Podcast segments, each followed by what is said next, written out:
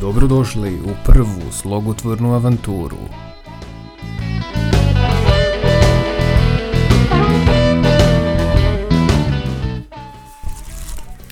Listajući ovo nedeljni NIN, broj 3656, možemo dolistati do rubrike jezik, čijih par stubaka godinama unazad ispisuje poznati lingvista Ivan Klein, profesor Filoškog fakulteta Univerziteta u Beogradu u penziji. Odgovarajući u svojoj rubrici jednoj čitateljki, Klein piše o prekomernoj upotrebi kroatizama. Naime, ta ga je čitateljka obavestila o čudnoj i pretećoj pojavi u krštenicama dnevnih listova. Budući da, kako Klein tvrdi, srpski jezik manjka sinonima, autori ukrštenih reči daju e, hrvatske reči čiji srpski ekvivalent treba upisati u polja, ili pak, još čudnije prema Kleinu, srpske reči koje upućuju na hrvatski.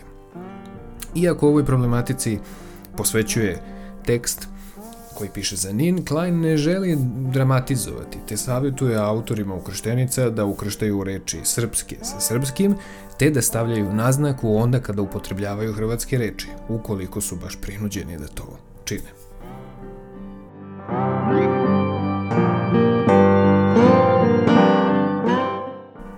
Ovo nam je podsjećanje bilo potrebno kako bismo uveli temu ove epizode slogotvora. Budući da iz misli ističu diskursi čiji nam tokovi donose nizove reči, pokušajmo uvideti kakve to struje ovaj naš tok pokreću.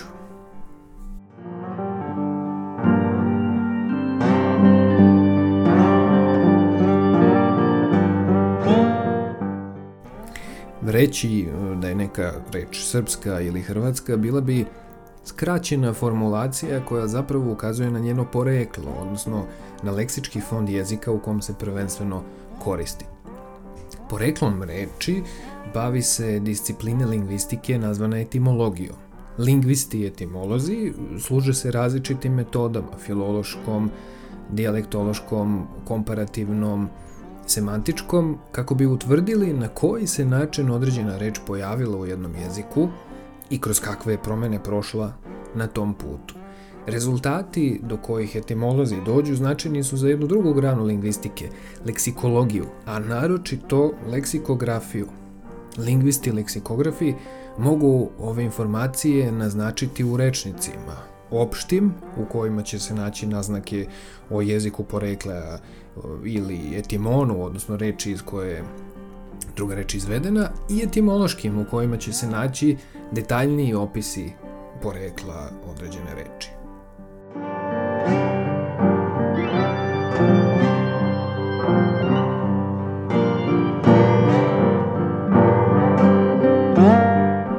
Postoji u leksikografiji još kraća formulacija onoga što Klein opisuje, a to je termin kroatizam.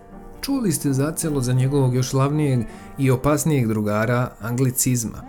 Kroatizmi su, dakle, reči poreklom iz hrvatskog, a anglicizmi reči poreklom iz engleskog jezika. Elem, čini se da kroatizam i hrvatska reč nemaju isti prizvuk.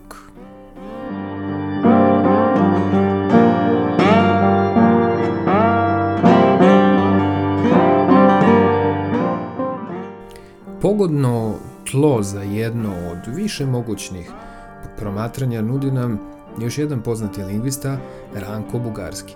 Pišući o odnosu jezika i nacije, odnosno o ideološkom aspektu toga odnosa, Bugarski navodi da je njegova politizacija pozitivna ukoliko vodi ka nacionalnoj emancipaciji i afirmaciji, ali i negativna kada vodi retrogradnom nacionalizmu i nacionalšovinizmu.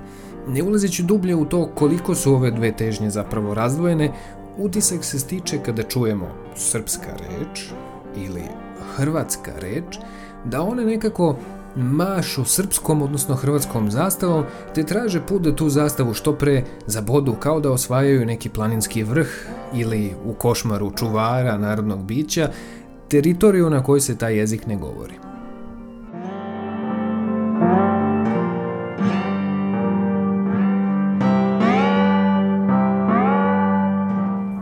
Postoji li onda propisana mera u kojoj se ksenizmi, kroatizmi, anglicizmi, galicizmi, tucizmi i mnogi drugi izmi mogu, ili bolje reći, smeju upotrebljavati?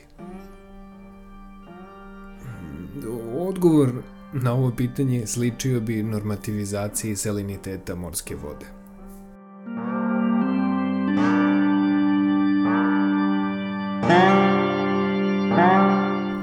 Koji je na posledku uopšte cilj ukrštenih reči, čije poreklo u Srbiji seže do prve polovine 20. veka? Njini sastavljači zacelo nemaju na umu razdvajanje žita od kukolja, već pre razmrdavanje vijuga putem leksičke vežbe, a protiv toga lingvista nikako ne može biti.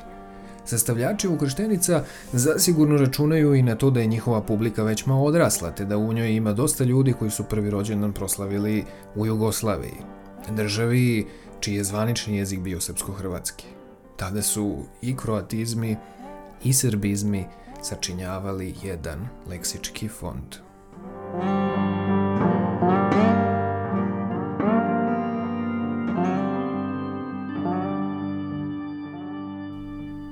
Do sledećeg slušanja, slogotvorni pozdrav!